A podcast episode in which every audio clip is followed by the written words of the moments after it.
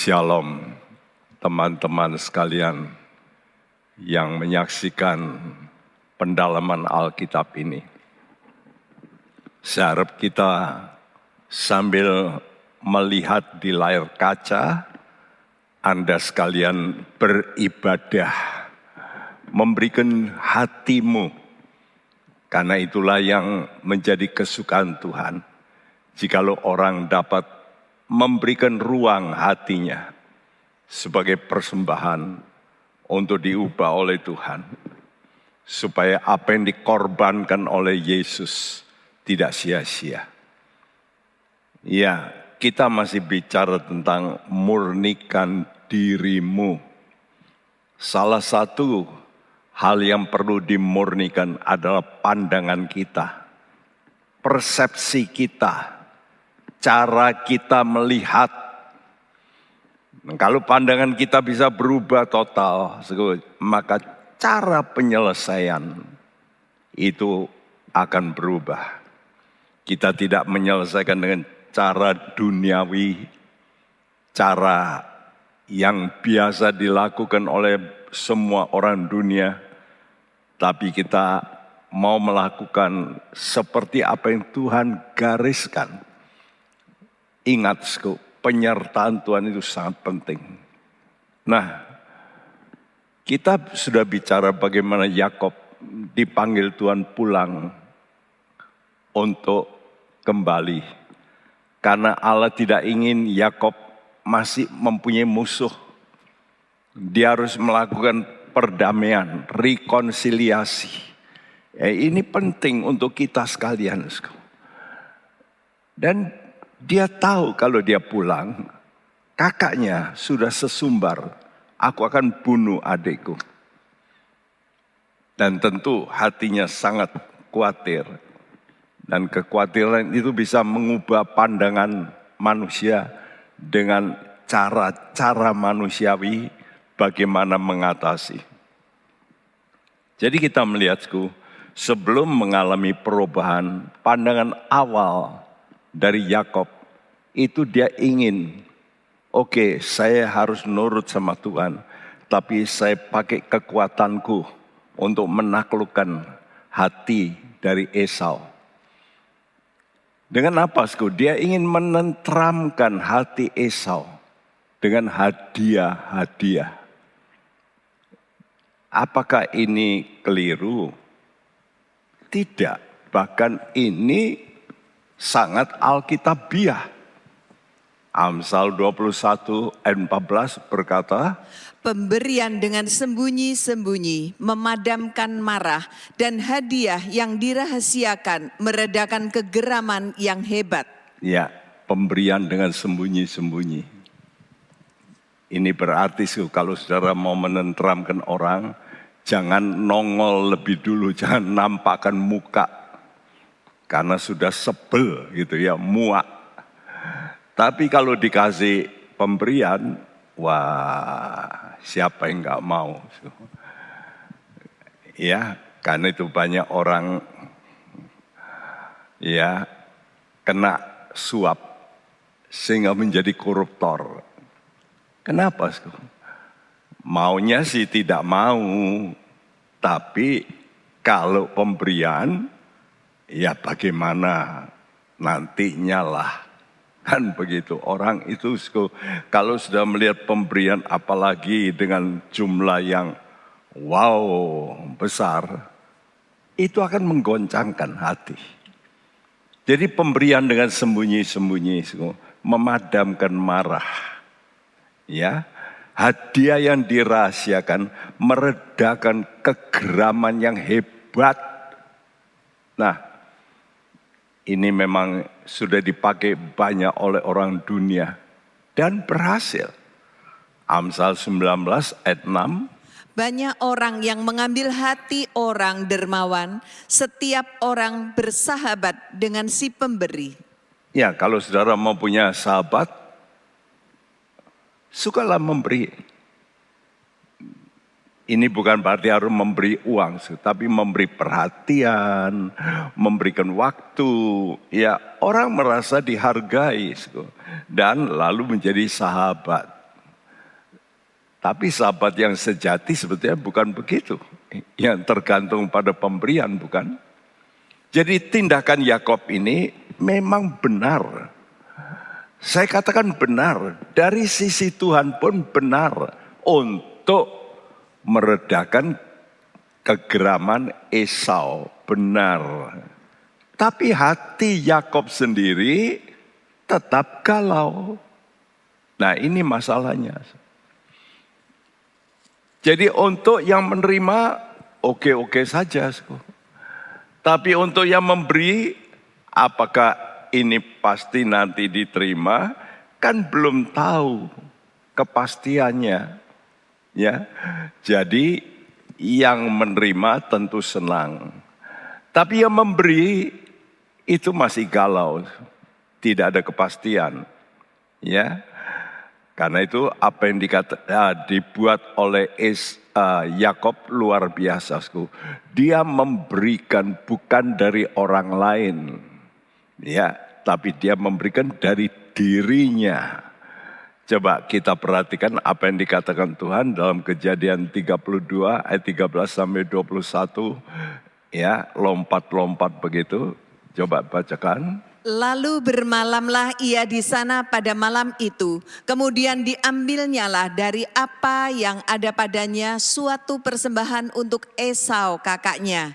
Yaitu 200 kambing betina dan 20 kambing jantan. 200 domba betina dan 20 domba jantan, 30 unta yang sedang menyusui beserta anak-anaknya, 40 lembu betina dan 10 lembu jantan, 20 keledai betina dan 10 keledai jantan. Inilah persembahan yang dikirim kepada tuanku Esau dan Yakub sendiri pun ada di belakang kami. Dan kamu harus mengatakan juga, hambamu Yakub sendiri ada di belakang kami. Sebab pikir Yakub, baiklah aku mendamaikan hatinya dengan persembahan yang diantarkan lebih dahulu. Kemudian barulah aku akan melihat mukanya. Mungkin ia akan menerima aku dengan baik.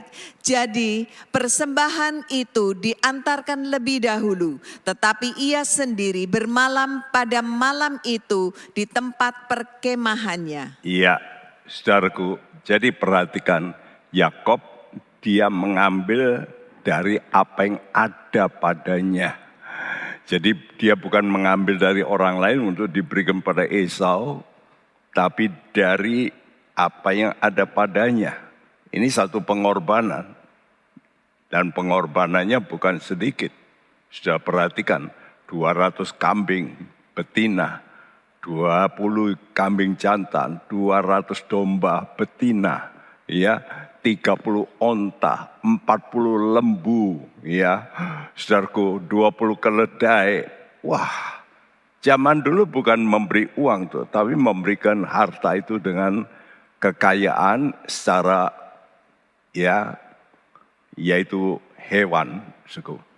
Jadi Yakob ini memang memang suku ini cara yang baik ya. Namun dia sendiri ada di belakang dikatakan ya. Hambamu di belakang sebab pikir Yakob. Nah, dia masih mikir mungkin.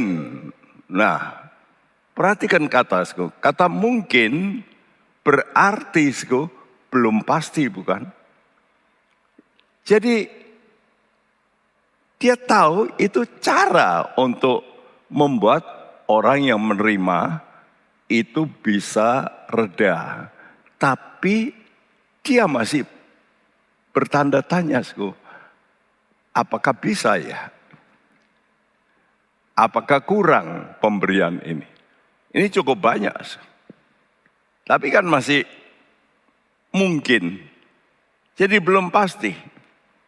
Hatinya belum mantap. Saudaraku, ingat. Pikiran saudara bukan jaminan.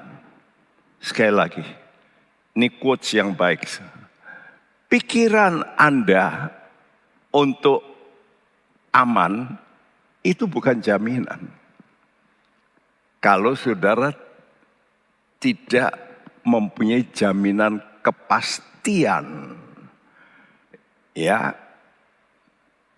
Dan kepastian itu kalau benar-benar tahu dengan pasti ada pribadi yang di atas segala-galanya yang sangat maha kuasa menyertai Anda. Itu pasti. Ya.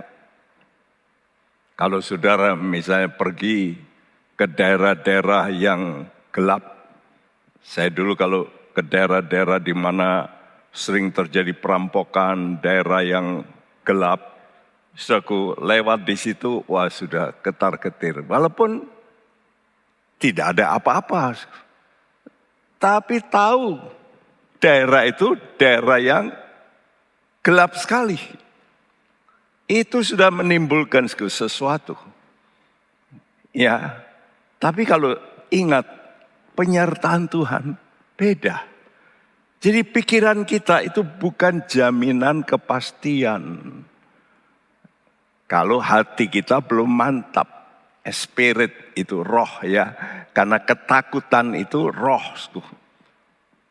Jiwa mungkin berpikir-pikir bisa, tapi spiritnya masih takut. Nah ini penting dibereskan.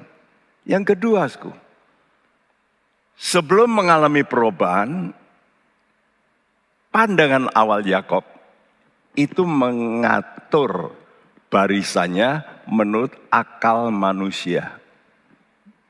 Akal manusia selalu pilih kasih. Kalau sudah berkata, oh enggak, saya enggak pilih kasih. Saya berkata, wajarlah manusia itu, saudaraku, ya mempunyai yang namanya kasih manusia yang selalu pilih kasih. Siapa yang paling dikasihi, ya dia yang paling diperhatikan. Dan kita membaca dalam kejadian 32 ayat 22, lalu disambung dengan ayat 2, ya pasal 33 berbunyi, pada malam itu Yakub bangun dan ia membawa kedua istrinya, kedua budaknya perempuan dan kesebelas anaknya dan menyeberang di tempat penyeberangan sungai Yabok. Ia menempatkan budak-budak perempuan itu beserta anak-anak mereka di muka. Lea beserta anak-anaknya di belakang mereka dan Rahel beserta Yusuf di belakang sekali. Rahel beserta Yusuf di belakang sekali. Mengapa? Ya istri yang paling dikasih taruh belakang. Ya karena dia sangat mencintai Rahel dan sangat mencintai Yusuf. Jadi budak-budaknya lebih dulu kalau bertemu dengan Esau mungkin terjadi ya mati dulu budaknya. Lalu Lea dengan anak-anaknya. Lalu Rahel ya. Lalu dia sendiri di belakang sekali saudaraku ya. Jadi dengan menempatkan budak-budak lalu anak-anak Lea dan Lea anak-anak anak Rahel ya Yusuf dan Rahel Yakub masih punya pandangan. Ada kemungkinan ada kemungkinan orang-orang Esau ini nanti nyerang. Jadi perasaan khawatir itu masih menonjol. Jadi menunjukkan Yakob belum memiliki iman penyertaan Allah. Kalau orang sudah beriman, selalu Tuhan tegur, hei kenapa kamu takut? Kenapa kamu khawatir? Hei kamu yang tidak percaya. Murid-murid Tuhan pun sering ditegur Tuhan. Begitu yang kita dengar di Alkitab. Dan ini praktek hidup kita loh. Berarti iman kita kadang-kadang juga masih ya belum betul-betul solid. Ya, walaupun Yakob ini sudah melihat penglihatan malaikat Tuhan menyertai. Sekali lagi saya tuliskan, ingat penglihatan ataupun lain-lain hal, mungkin peristiwa ya ajaib itu tidak menjadi jaminan kemantapan hati kita. Kalau hati kita belum diubah, khususnya spirit ini loh. Ya, walaupun kita mengalami mujizat, sudah seperti Yakob ini. Dia mengalami bagaimana Tuhan memberkati dia dengan cara yang ajaib. Dia melihat penglihatan malaikat. Ini kan sesuatu yang spektakuler. Tapi itu tidak menjadi jaminan juga. Yang berikut, sebelum mengalami perubahan, pandangan awal Yakob ini mengutamakan keamanan dirinya. Ya, sekali lagi kita baca Kejadian 32 ayat 17 sampai 20a berbunyi Diperintahkannyalah kepada yang paling di muka. Apabila Esau kakakku bertemu dengan engkau dan bertanya kepadamu siapakah tuanmu? Dan ke manakah engkau pergi? Dan milik siapakah ternak yang di depanmu itu? Jawablah milik hambamu Yakub Inilah persembahan yang dikirim kepada tuanku Esau dan Yakub sendiri pun ada di belakang kami. Ayat 19. Begitulah diperintahkannya baik kepada yang kedua maupun kepada yang ketiga dan kepada sekalian orang yang berjalan menggiring kumpulan hewan itu katanya, seperti perkataanku tadilah, kamu katakan kepada Esau, apabila kamu berjumpa dengan dia, dan kamu harus mengatakan juga, hambamu Yakub sendiri ada di belakang kami. Iya, kamu harus mengatakan apa? Hambamu sendiri ada di belakang kami. Ini diulang-ulangi. Ini kamu jangan lupa ya, seperti perkataanku tadi loh. Kamu mesti katakan, Ya. Jadi dia sudah set betul-betul ini, pokoknya ini. Kamu jangan ubah. Yakob ya hambamu itu ada di belakang. Jadi Yakob ini mendikte hambamanya untuk mengatakan, mengatakan apa sku? Inilah yang saya katakan hikmat manusiawi. Ini memang hikmat, tapi itu hikmat manusiawi. Saudara, surat Yakobus memberikan peringatan pada kita, ada hikmat dari atas, ada hikmat dari bawah. Ya, ada hikmat yang dari Allah, ada hikmat dari dunia, setan, lalu apa? Hawa nafsu. Jadi, rombongan-rombongan diminta berjalan di depan. Bahkan istrinya sendiri juga berjalan di depan. Namun dia sendiri di belakang. Wah, bukankah ini suatu yang namanya egoisme? Ya, mementingkan diri sendiri.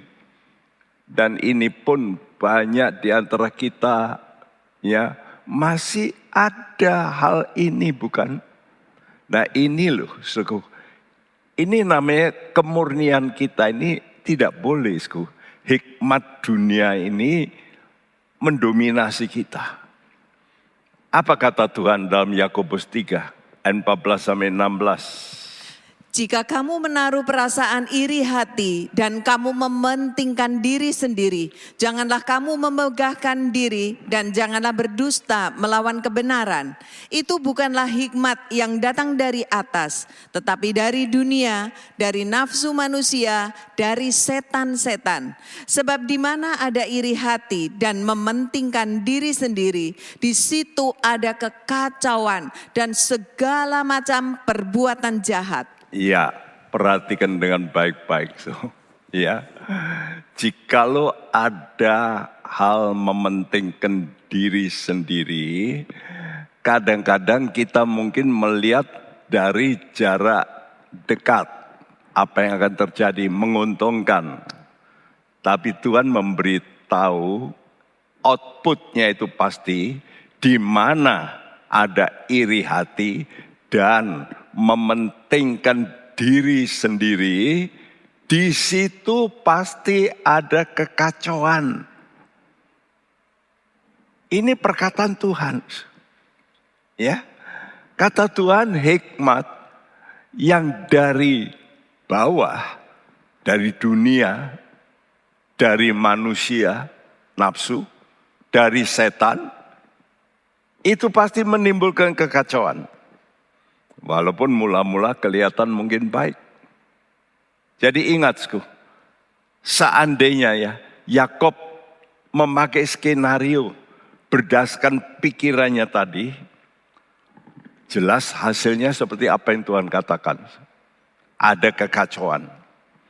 Walaupun mungkin reda, ya, Esaunya mula-mula. Tapi lalu bisa muncul, meledak. Ya, kalau hati Esau belum diubah juga oleh Tuhan, pasti bisa muncul segala perkara itu tidak ada jaminan. Hati manusia siapa yang bisa menjamin bisa berubah atau tetap? Siapa yang menjamin? Kalau bukan Tuhan yang mengubah lebih dulu, mana bisa? Jadi apa yang Tuhan katakan, outputnya pasti ada kekacauan dan segala macam perbuatan yang jahat. Ya, tapi bersyukur. Walaupun Yakob memang ada di belakang. Namun dia tidak lalu diam. Pada malam itu dia bergumul, dia berdoa. Pikirannya dari awal skenario-nya memang dia di belakang. Tapi waktu dia di belakang itulah di tempat penyeberangan ya Yabok saya sudah katakan ini tempat penyeberangan. Dan kali ini saya katakan inilah penyeberangan pikiran. Kita mesti pikiran kita mesti diseberangkan. Dulu sudah saya katakan minggu-minggu lalu. Kata Ibrani, orang Ibrani itu berarti orang seberang. Jadi Tuhan itu mau menyeberangkan kita. Kamu jangan di daerah Babel. Kamu sih keluar. Ya, menyeberang. Karena itu dalam kitab Wahyu pun Tuhan kata, keluarlah kamu. Ya, dari Babel. Keluarlah dari sistem Babel. Jadi kita anak-anak Tuhan tidak boleh memakai cara dunia. Karena itu saya mengikuti kadang-kadang ya training-training misalnya setting the goal gitu ya. Di Hawaii juga saya di training itu setting the goal. Tapi dalam batin saya kok apa benar toh setting the goal ini sku harus sekian jiwa ini saya pasti saya akan raih. Jadi terus di pikiran saya melihat ada orang yang setting the goal, tapi ya dia hanya sekian saja. Kenapa? Karena tiap orang itu itu anugerah Tuhan, gak bisa. Ini bukan berarti bahwa orang yang mengembalakan banyak jiwa hebat. No juga, tidak juga. Itu bukan ukuran. Karena ukuran Tuhan bukan jumlah, Tuhan kadang-kadang melihat hati orang. Ya, apakah dia setia? Ada yang jumlahnya besar, tapi hatinya tidak setia dengan Tuhan. Ini fakta hidup. Bukankah kita mendengar ya hal-hal yang sangat mengagetkan kita. Orang-orang yang dipakai Tuhan, tapi ternyata tidak demikian di mata Tuhan. Saudara, penyeberangan pikiran ini penting ya. Nah, di mana? Di Yabok. Kata Yabok sudah saya katakan itu berarti ia akan mengosongkan. Jadi kita mesti dikosongkan dari pikiran hikmat dunia. Hikmat duniawi. Hikmat yang dari bawah. Hikmat setan. Ya, hikmat si pengambil alih. Itulah Yakob. Nama Yakob berarti supplanter. Jadi dia itu ya suka ya mengambil alih. Ini mesti dikuras kok habis. Lalu Tuhan katakan namamu bukan lagi Yakob, tapi Israel. Nah, saudaraku, Israel artinya Allah berjuang. Allah yang melakukan perjuangan bukan kamu. Karena itu letaknya, sku, jangan kita itu pakai Wih, sepertinya tenaga kita, ya, kehebatan kita. Tapi kita coba menyerah. Lebih banyak penyerahan. Dan Allah nanti yang berjuang. Nah, satu perubahan terjadi. Waktu Yakob berteriak, aku telah melihat Allah. Inilah titik, saya katakan titik yang luar biasa jadi kalau kita mengalami pengalaman ini, melihat wajah Tuhan. Mungkin kita berkata, apa Pak Bekti pernah atau melihat wajah Tuhan? Nanti dulu kita akan melihat, ya karena dulu apa yang dialami oleh para tokoh-tokoh perjanjian lama itu punya relevansi sekarang dalam rohani beda. Kalau dulu memang Allah memanggil Bapak Abraham, itu Bapak Abraham melihat Allah. Memang dia melihat dengan mata kepala ini. Tapi kita kan sekarang tidak begitu. Ya, karena kita sudah mengerti bahwa segala perkara yang dulu itu memang secara fisik lebih banyak. Tuntunan Tuhan seperti tiang awan, tiang api, Apakah kita harus juga menuntut ada tiang awan, tiang api? Tidak tentunya. Karena Tuhan memberikan cara yang sekarang lebih banyak yang tidak kelihatan. Jadi pakai iman.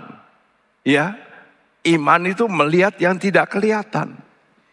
Kejadian 32 ayat 30 berbunyi. Yakub menamai tempat itu Peniel, sebab katanya, "Aku telah melihat Allah berhadapan muka, tetapi nyawaku tertolong." Ya, Yakub menamai tempat itu, tempat penyeberangan tadi. Jadi, kalau spiritmu itu sudah diseberangkan oleh Tuhan, maka engkau baru bisa ngalami yang disebut Peniel.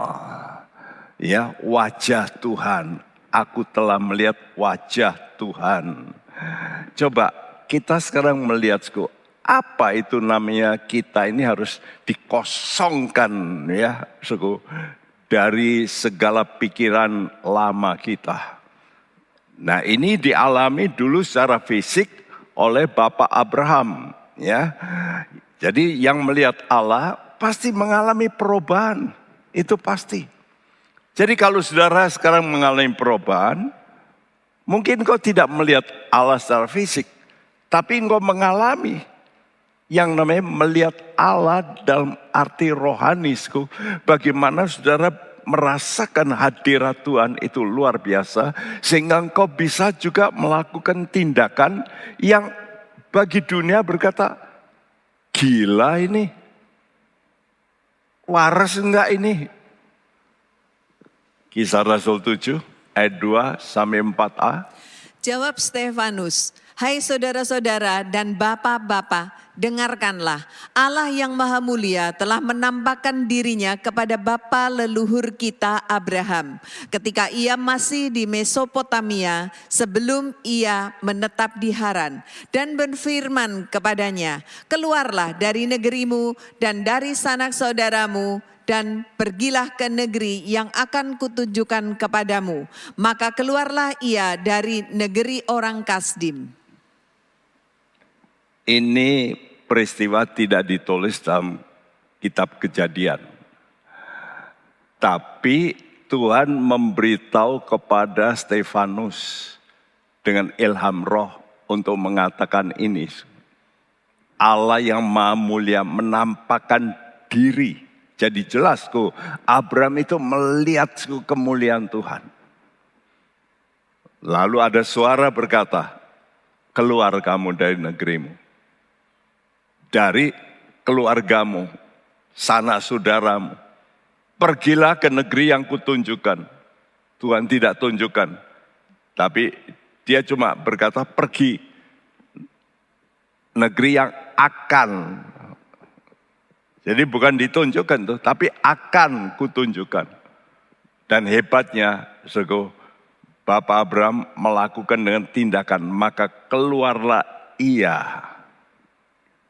Keluar ke mana? Nggak tahu. Itu loh. Itu yang saya katakan suku aneh ya. Keluar tapi nggak tahu. Nah ini suku betapa hebatnya akibat Abraham melihat Allah.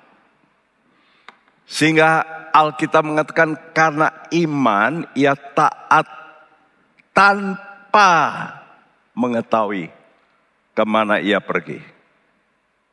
Dia nggak tahu. Nah coba kalau kita begitu, apa kata orang? Saudara melakukan tindakan yang janggal, aneh.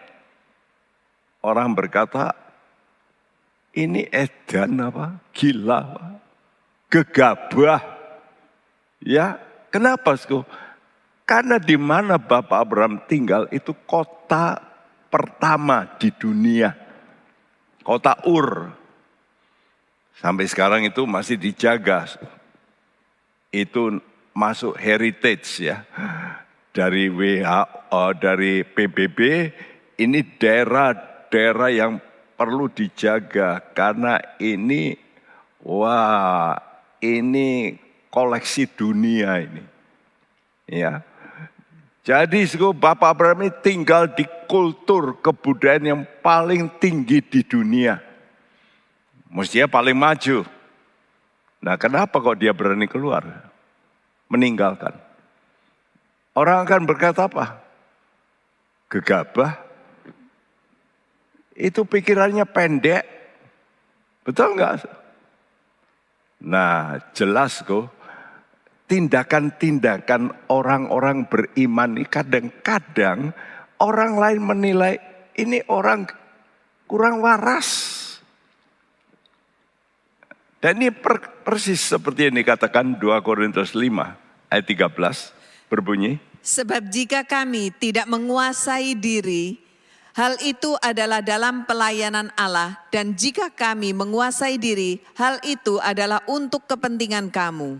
Ya, sebab jika kami tidak menguasai diri, kata menguasai diri itu ex is the me, dalam terjemahan King James dikatakan be beside ourselves. Modern King James berkata out of our mind. Literal international translation lebih gamblang. So, we are insane. Insane itu ya gila. So. Ya. Keluar dari kecerdasan kami. Ya. Karena itu bahasa Indonesia jika kami tidak menguasai diri, mestinya jika kami keluar dari kecerdasan kami. Jadi kadang-kadang orang yang beriman itu bisa melakukan di luar pikirannya. Ya, sama dengan orang dunia kalau dikuasai oleh iblis, oleh roh iblis, dia juga bisa melakukan yang di luar akalnya. Betul enggak? Membunuh anaknya sendiri. Loh, kok bisa? Ya ditembaki anaknya. Itu kan enggak waras. Jadi ingat, itu spirit. Jadi Allah bisa membuat kita ini kadang-kadang dianggap orang tidak waras. Iya. Tapi iblis juga melakukan sebaliknya. Tidak waras tapi yang negatif. Makanya saat menerjemahkan Markus 3 ayat 21. Kata system ini. Modern King James juga memakai insane Insane itu artinya gila, tidak waras. Dan ini justru berlaku untuk Tuhan Yesus. Tuhan Yesus pun dianggap tidak waras. Ya, Markus 3 ayat 21. Waktu kaum keluarganya mendengar hal itu, mereka datang hendak mengambil dia, sebab kata mereka ia tidak waras lagi. Iya, waktu kaum keluarganya. Sebetulnya kata ini sudah sudah diartikan ya dalam bahasa Indonesia kaum keluarganya. Kalau dalam terjemahan bahasa Inggris katakan and hearing those with him mereka yang bersama dengan dia. Lalu diterjemahkan kaum keluarganya, mereka yang bersama dengan dia. Ya. Lalu mereka mengatakan he is insane. Yesus itu nggak waras. Jadi kata those with him, mereka yang bersama dengannya, memang dalam Alkitab bahasa Syria, memang sudah ditulis itu kaum keluarga. Sehingga bahasa Indonesia supaya siapa ini yang bersama dengan dia ini. Ini bukan murid pasti. Pasti muridnya enggak ngomong seperti itu. Betul enggak? Tapi ini siapa? Kaum keluarganya. Siapa itu kaum keluarga? Ya, kaum keluarga itu ya saudaranya. Ya, saudaranya masih belum percaya kepada Yesus. Saudara kandung loh. Ya. Jadi saat Paulus pun di hadapan dihadapkan kepada Raja Agripa karena dia mau naik banding ke kaisar harus lewat raja-raja setempat lebih dulu. Kebetulan ada problem, dia berkata, saya mau naik banding karena itu diantarkan ke Kaisaria dan di situ ketemu Baginda Agripa. Ya, apa yang terjadi dalam dialog dengan Raja Agripa ini. Lalu di situ ada juga sku, seorang yang uh, namanya Tertulus, seorang biasa advokat begitu. Ya, coba kita dengarkan apa yang terjadi dalam dialog Kisah Rasul 26 ayat 24 sampai 25. Sementara Paulus mengemukakan semuanya itu untuk mempertanggungjawabkan pekerjaannya, berkatalah Festus dengan suara keras, "Engkau gila, Paulus. Ilmumu yang banyak itu membuat engkau gila." Tetapi Paulus menjawab, "Aku tidak gila. Festus yang mulia, aku mengatakan kebenaran dengan pikiran yang sehat." Ya, so, jadi di sini ada Tertulus itu advokatku, ada Festus, Festus itu penguasa ya bagian provinsi begitu, tapi ada Baginda Agripa. Jadi ini orang gede-gede yang sedang me, ya mengorek kenapa Paulus ini kok sampai mau banding ke kaisar. Lalu Festus waktu Paulus berhadapan bicara tentang Yesus di hadapan Raja Agripasku, Festo nyeletuk dengan suara keras, engkau gila Paulus. Ilmumu yang banyak itu tentu ini kebenaran Tuhan. Membuat engkau gila. Memang kalau saudara menjadi anak Tuhan yang betul, engkau anak Tuhan yang betul, orang dunia akan berkata engkau gila.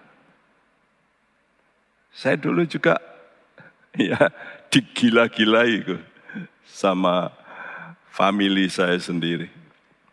Waktu saya menyerahkan seluruh ya aset itu atas nama yayasan di mana saya nggak ada di dalamnya.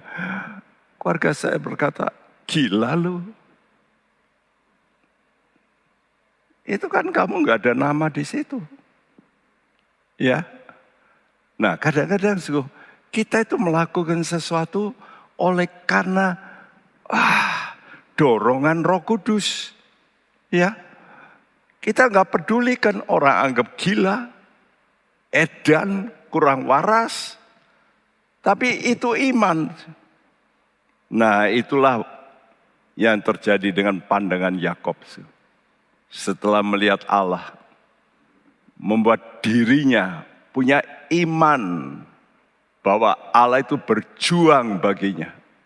Ya, dia sekarang punya iman Allah itu berjuang. Tadinya dia pakai akal hikmatnya.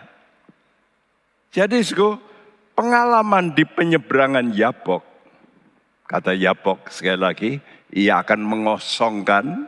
Jadi benar-benar membuat Tuhan ini mengosongkan Yakob dari pikirannya.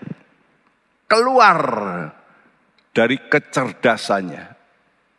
Sehingga dia sekarang pakai apa? pakai iman. Bukan lagi kecerdasan, tapi pakai imannya. Ya.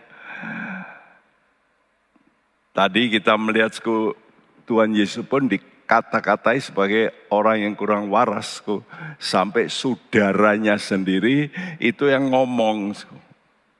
Bayangin, ya. saudaranya sendiri yang ngomong. Kenapa? Karena saudaranya tidak percaya kepada Yesus. Walaupun Maria ini tentu pasti memberitahu. Kakakmu ini lahir bukan dari papi loh, bukan.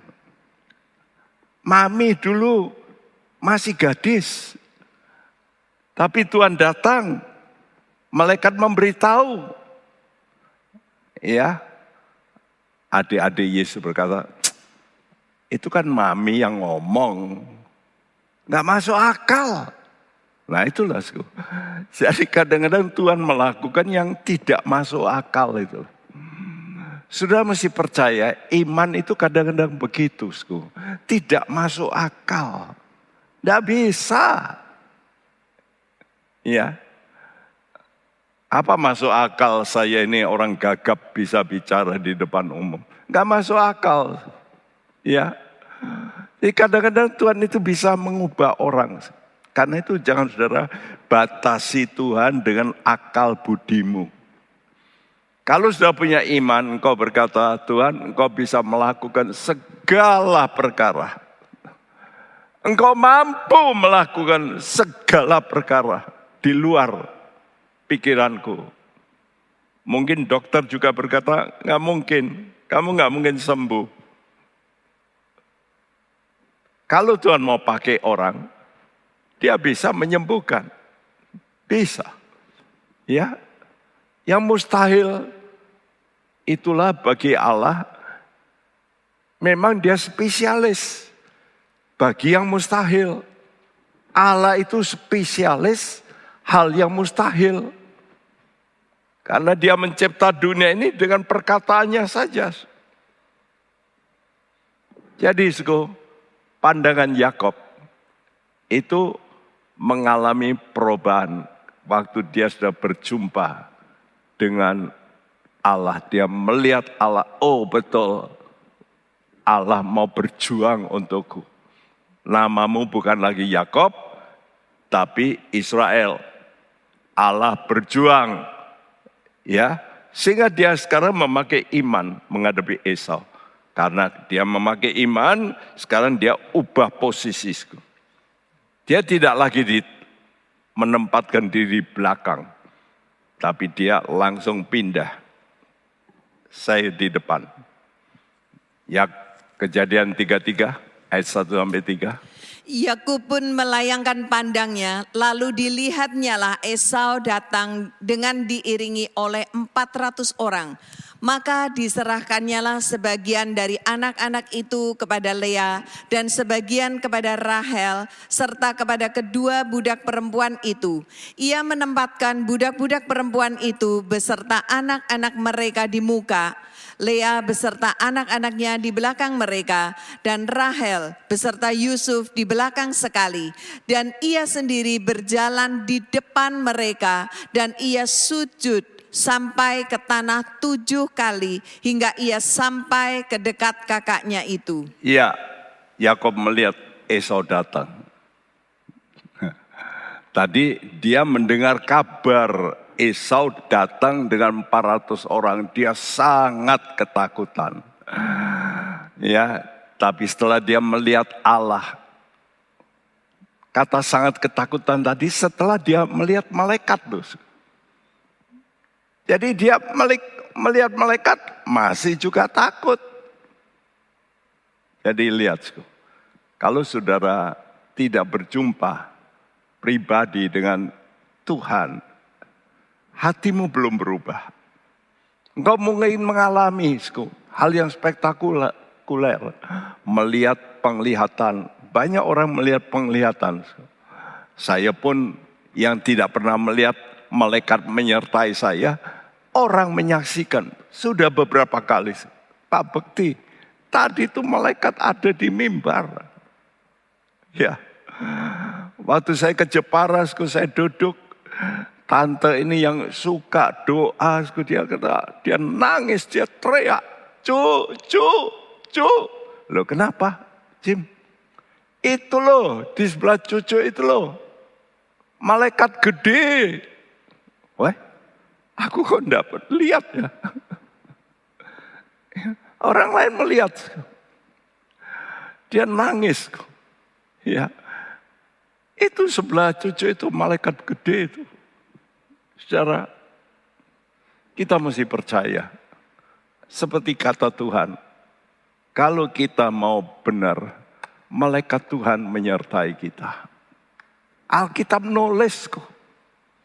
Ya, malaikat Tuhan berkemah keliling orang yang takut akan Tuhan. Jadi kuncinya itu takut akan Tuhan. Sudah tidak boleh takut dengan pandemi ini. Mati ya sudah, kalau memang Tuhan sudah tentukan mati. Cara apa saja, tidak lewat pandemi ya mati. Tidur pun ya bisa mati. Ya. Saya bertemu dengan orang mati ini cuma beberapa kali yang berhadapan langsung lihat lagi ngomong-ngomong dengan saya. Saya kunjungi dia sakit, ngomong-ngomong begini. Terus, loh, loh, loh, loh, loh. Mati, lagi bicara dengan saya. Mati. Ya, kunjungan lagi ke rumah sakit mati. Wih, anaknya coret-coret historis.